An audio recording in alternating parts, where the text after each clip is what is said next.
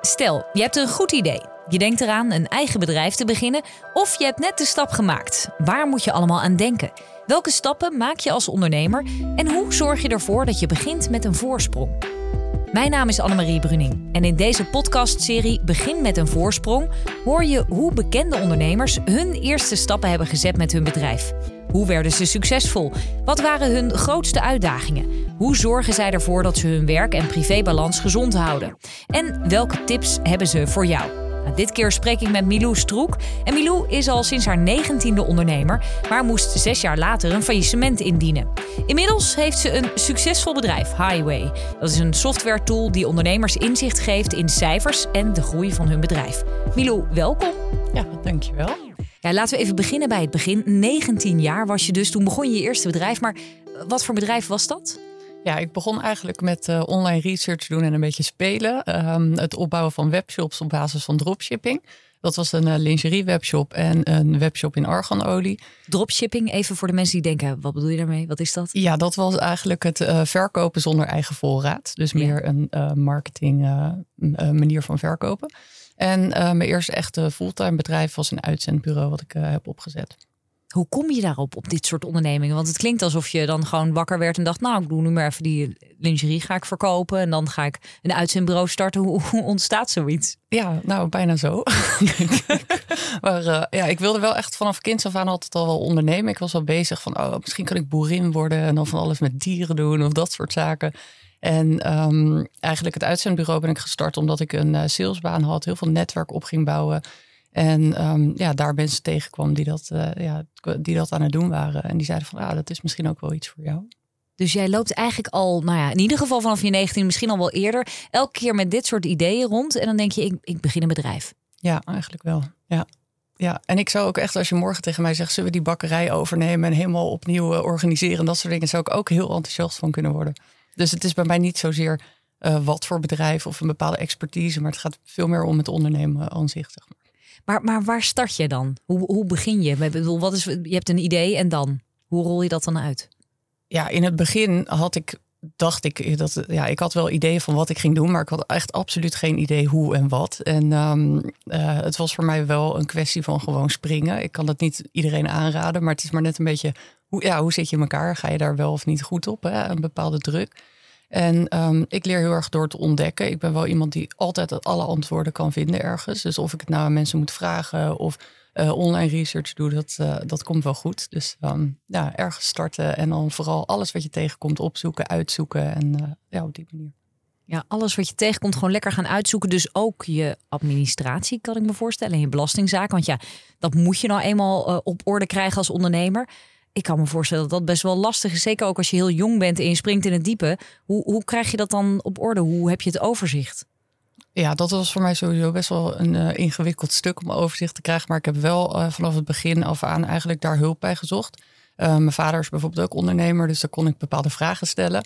Ik had hem wel meer kunnen vragen, maar af en toe ben je ook gewoon een beetje eigenwijs en wil je het zelf uitzoeken. En ik heb wel in ja, vroeg stadium boekhouders bij betrokken en dat soort zaken. Want je begint denk ik als een eenmanszaak. Ja, klopt. Eenmanszaak, ja. En op een gegeven moment ging je ook mensen aannemen, toch? Ja, klopt. Hoe, hoe werkt dat dan? dan? Dan ben je geen eenmanszaak meer? Hoe... Uh, ja, in principe ben je dan alsnog een eenmanszaak. Je kan een eenmanszaak zijn uh, zonder dat je in je eentje bent. Dus ook met personeel. Dus met de eerste mensen die ik heb aangenomen, heb ik dat wel vanuit een eenmanszaak gedaan. Op het moment dat we gingen groeien, eigenlijk ook meer risico's in het bedrijf kwamen. Het bedrijf groter werd, um, ben ik een BV geworden. Ja, toen ben je dat op een gegeven moment gaan omzetten. Wat, wat komt er dan bij kijken als je dat om gaat zetten naar een BV? Dan word je ineens uh, groter, komen er meer verantwoordelijkheden op je af, denk ik. Ja, zeker. is eigenlijk ook een hele andere structuur. Want eerst uh, ga je gewoon op de inkomstenbelasting. En als je een BV bent, dan uh, ja, heb je te maken met een structuur van bijvoorbeeld een holding die erboven zit, een DGA-salaris, dat soort zaken. Um, maar daar heb ik uiteraard hulp bij, bij gevraagd om dat in te richten. En komt er dan op een gegeven moment dat iemand tegen jou zegt: je moet hem nu dat die eenmanszaak gaan omzetten naar een BV? Of bedenk je dat zelf? Um, ja, dat initiatief om dat uit te zoeken, dat heb ik denk ik destijds wel zelf uh, geopperd. Maar er zijn verschillende redenen waarom je dat zou kunnen doen. Het kan zijn omdat je bepaalde risico's gaat lopen, maar het kan ook zijn omdat je ja, boven een bepaald bedrag aan winst maakt. En dan is het bijvoorbeeld fiscaal weer interessanter. Ja, dus eigenlijk, het, het klinkt wel grappig, want het klinkt echt alsof je het nou allemaal gewoon zo, zo even doet. voelde dat ook zo door de jaren heen? Want ik bedoel, ja, je hebt best wel wat meegemaakt. Uh, nee, voelde zeker niet altijd zo. Maar ehm, ja, het was wel iets. Ik nam eigenlijk wel iedere uitdaging altijd gewoon zoals die kwam. En um, er was nooit een gedachte om terug in loondienst te gaan. Ik uh, ben vanaf begin 20 nooit meer, heb ik, heb ik nooit meer een baan gehad eigenlijk. Um, dus daar was ik wel stellig in. Maar je hebt wel op een gegeven moment, na zes jaar uh, ondernemerschap, moest jij een faillissement indienen. Klopt. Uh, dus, dus het is inderdaad niet van een leien dakje gegaan. Uh, hoe ontstaat zoiets? Wanneer gebeurt dat? Dat is ook niet van de een op de andere dag, kan ik me voorstellen. Nee, zeker niet. Ik was zelf heel gefocust op de commerciële kant van het bedrijf. We groeiden best wel hard, zowel in personeel, maar ook in nieuwe klanten. En ja, ik was, was gewoon jong en heel veel adrenaline. Ik dacht van, wat gebeurt er allemaal super vet. Um, maar ik had wel de overtuiging dat ik helemaal niet goed was met geld en met cijfers. En ik had destijds een compagnon die dat wel was, of dacht te zijn. En um, dus ik heb alles ingeleverd, zowel de administratie, pinpassen, alles. En ik was helemaal aan de voorkant bezig. Um, ja, dat is gelijk de grootste les. Je moet als ondernemer gewoon echt je verantwoordelijkheid nemen en zorgen dat je alles weet over je cijfers, dat je het snapt. dat had ik toen absoluut niet. Jij gaf het gewoon uit handen en dacht het komt wel goed. Zeker, ja. En dan overzicht te zien waar de omzet inclusief BTW stond in plaats van X en dat soort, uh, dat soort geintjes. Ja, dat is niet, um, niet hoe je groot gaat worden. Zeker als je snel groeit is het nog belangrijker om echt een heel duidelijk overzicht te hebben. Uh, zowel op je cashflow als uh, op je cijfers. En uiteindelijk, nou ja, er is dan een faillissement. Wat doet dat met je? Op het moment dat je zo hard gaat en denkt het gaat allemaal lekker en bam, in één keer moet je ja, de boel laten vallen eigenlijk? Is uh, heel bizar. Ik, ze zeggen wel eens tegen mij van ja, in Amerika is dat allemaal heel normaal. Nou, in Nederland uh, denk ik niet. En zeker niet dat we er zo over praten. Maar ja, dat was echt wel, nou, ik kan wel zeggen, een beetje een trauma eigenlijk hoe dat, uh, hoe dat is gegaan. Um, maar je voelt je ook alsof iedereen het aan je ziet, zeg maar. Ik weet niet, als je bijvoorbeeld net zwanger bent, dan had ik dat ook. Dat je in de supermarkt loopt en niemand die weet het, maar toch heb je het gevoel dat iedereen het aan je ziet, zeg maar. Dat had ik daar ook. Dus je voelt je heel erg aan de ene kant sta je er nog in, in het ondernemerschap, maar ook weer erbuiten. Ja, dat is een heel gek gevoel of zo. Er komt heel veel op je af. Ook moet superveel geregeld worden. Dus, Ga je daarmee aan de slag? Ga je dan, ben je uiteindelijk voor even voor een baas gaan werken? Want je zei net, ik ben eigenlijk niet meer in loondienst geweest sinds ik ondernemer ben geworden. Ik bedoel, ga je dan meteen weer door met ondernemen? Ja. Hoe, hoe werkt zoiets? Ja, eigenlijk wel. Ja, we hadden een uh, investeerder die wilde uh, wel met ons verder kijken. En um, daar ben ik eigenlijk mee, uh, mee doorgegaan. En uh, bij mij was het zowel een zakelijk als een privé faillissement uiteindelijk. En um, ja, dat betekent dat je eigenlijk privé uh, alle puin aan het ruimen bent. Dat je een hele gekke situatie hebt. Maar wij uh, bouwden een start-up. Die draaide nou, binnen anderhalf jaar 3,7 miljoen. Terwijl ik zelf amper boodschappen kon doen. Dus dat was echt een Bizar. super bizarre situatie. daarbuiten hadden we die software tool laten bouwen. En um, daar raakte ik ook zwanger, zeg maar, in de periode dat ik privé failliet was ja, het was gewoon best wel een gekke tijd. Maar uh, ja, ik denk dat je als ondernemer wel altijd perspectief nodig hebt. En als je doorgaat, heb je dat perspectief. Dus dan uh, ja, is de uitweg denk ik makkelijker gevonden. Dus je moet altijd zorgen dat je perspectief blijft zien. Ja, in het leven sowieso denk ik. ja, dat helpt wel. ja, ik kan me dat... En, en moet je, moet je veerkrachtig zijn? Want als ik dit zo hoor, dan ik hoor heel veel veerkracht in jouw verhaal. Heel erg, je, je gaat altijd maar door. hebt altijd nieuwe ideeën. Ja, ja, ik denk dat het wel helpt om veerkrachtig te zijn. Maar ook om te beseffen dat als je ergens uh, op echt best wel een donker punt of een slecht punt bent in je ondernemerschap, dat is niet voor altijd. Dat kan letterlijk binnen een paar jaar echt er compleet anders uitzien. Maar we denken altijd van, oh, als we echt falen of dingen mislukken, nou, nu is het over met me. Nou ja, ik was 25 toen dat gebeurde. Dat is natuurlijk niet over met me. Dan heb je gewoon nog een paar jaar en dan kan je gewoon weer verder. En uh, nou, het is niet dat ik mensen aanraad van nou ga lekker failliet. Absoluut niet. Als je het kan voorkomen, doe het alsjeblieft. Maar ja, het is niet alsof je dan helemaal geëlimineerd bent of uh, ja, niet meer mee kan doen. Nee, nee, dus je moet altijd inderdaad eigenlijk weer bedenken, je, hebt, je krijgt altijd een nieuwe kans. Ja, als je, die, ja, je moet die zelf wel creëren en pakken, denk ik. Ja. Um, nou is het ook zo dat je mensen voor je hebt werken natuurlijk. Uh, op het moment dat jij überhaupt begint als ondernemer, je moet op een gegeven moment mensen gaan aannemen. Nou, die fase heb jij ook gehad. Hoe zorg je ervoor dat je, uh, dat je mensen kunt betalen bijvoorbeeld? Nou, het belangrijkste is denk ik dat je, dat je plan klopt op papier, je cijfers. Dat je gewoon weet van nou, welke klanten, welke omzet komt er sowieso binnen komende tijd. En heel goed beseffen dat mensen, zeker als je ze in commerciële banen zet, niet vanaf dag één gelijk uh, rendabel voor je werken. Dus je moet ook heel goed nadenken hoe lang hebben ze nodig om echt ja, geld voor je te kunnen verdienen, bijvoorbeeld. Of het werk te doen wat ze moeten doen.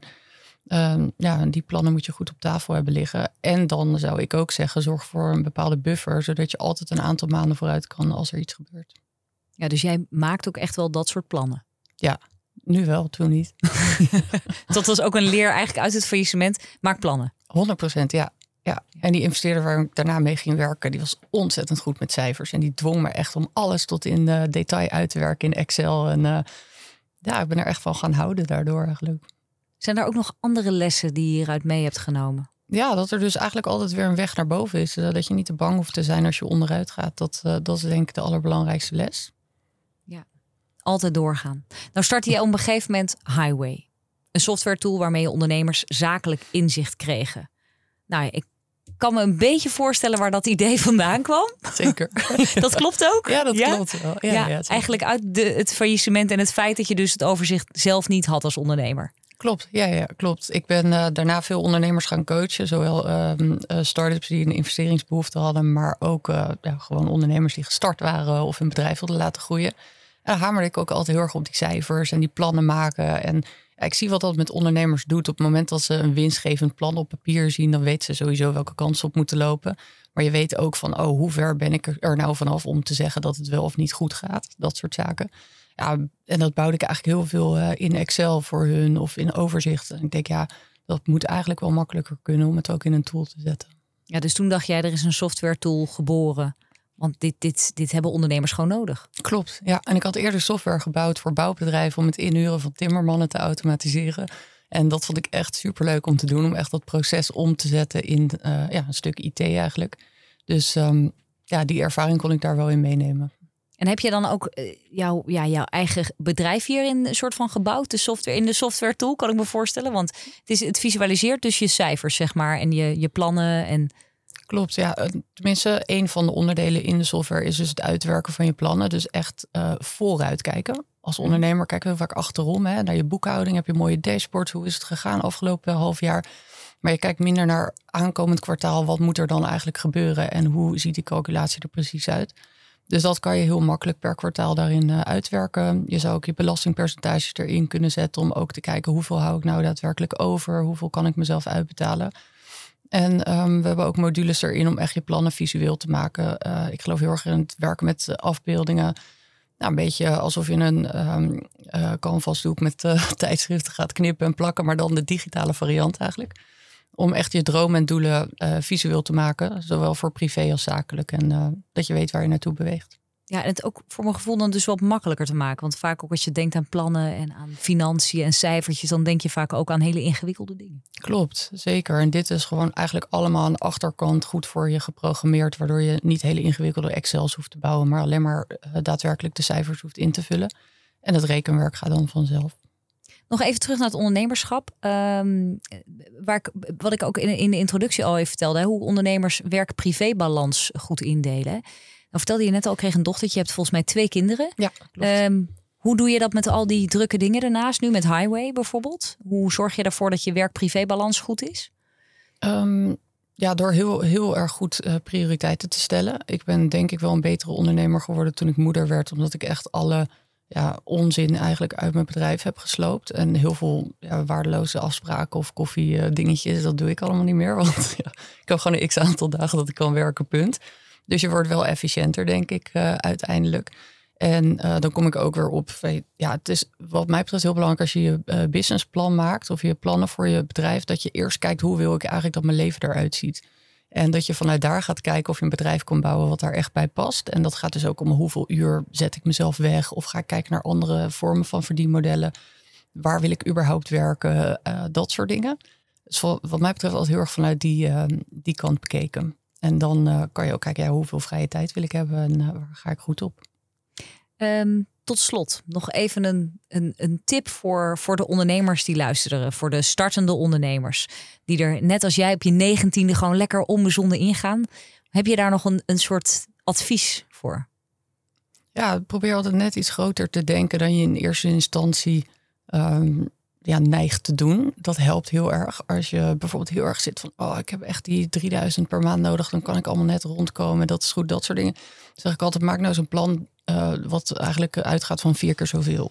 Dan ga je gewoon iets ruimer denken, krijg je net wat betere energie erin. En dan uh, ja, word je gewoon wat creatiever. En dan blijf je weg bij het feit dat het allemaal net wel, net niet gaat. En een beetje die ja, fase die gewoon heel irritant is eigenlijk. Dat is een hele goede. Dus gewoon lekker ruim nemen in je plan. Zorgen dat je dat voor elkaar krijgt. Want dan zit je ook wat relaxter. Kun je ook beter in werk-privé-balans uh, Ja, gewoon ietsje, ja, iets ambitieuzer, ietsje groter denken. Dat helpt in het ondernemerschap wel echt. Uh, ja, om te zorgen dat je gewoon echt voldoende hebt uiteindelijk. Milo, dankjewel voor uh, al jouw mooie adviezen. Het delen van je verhaal. En heel veel succes ook voor de toekomst met jouw bedrijf. Dankjewel. En het ondernemerschap, want ik heb zo'n idee dat jij nog wel veel meer bedrijven gaat. Mag even doorgaan. ja, wel zeker. Dankjewel. Ja, leuk dat je luisterde naar deze podcast. KVK krijgt veel vragen over starten. En 4 juli is er daarom weer een online KVK Start Event. Inclusief een inspirerende gast voor je. Wil je meer weten over de KVK Start Events? Ga dan naar kvk.nl/slash startevents. Voor nu bedankt voor het luisteren.